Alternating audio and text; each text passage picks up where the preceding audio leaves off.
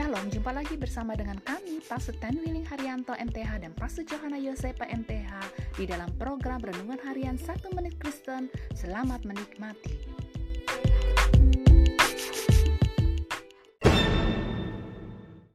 Shalom saudara berharga di mata Tuhan, senang dapat jumpa dengan saudara. Hari ini Allah mau mengingatkan kita untuk merubah karakter kita. Yehuda yang diketahui menjual Yusuf ke dalam perbudakan dan mencoba menipu Tamar mantunya dengan tidak memberikan Siela anaknya, akhirnya mendapatkan berkat yang begitu besar.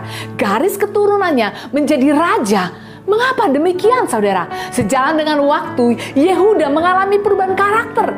Dulu Yehuda setuju untuk menjual Yusuf dan bersepakat untuk menipu Yakub ayahnya. Tetapi ketika Benyamin akan ditahan dan dijadikan budak di Mesir, Yehuda memberikan diri untuk menggantikan Benyamin. Perubahan karakter dalam hidup kita itu begitu penting.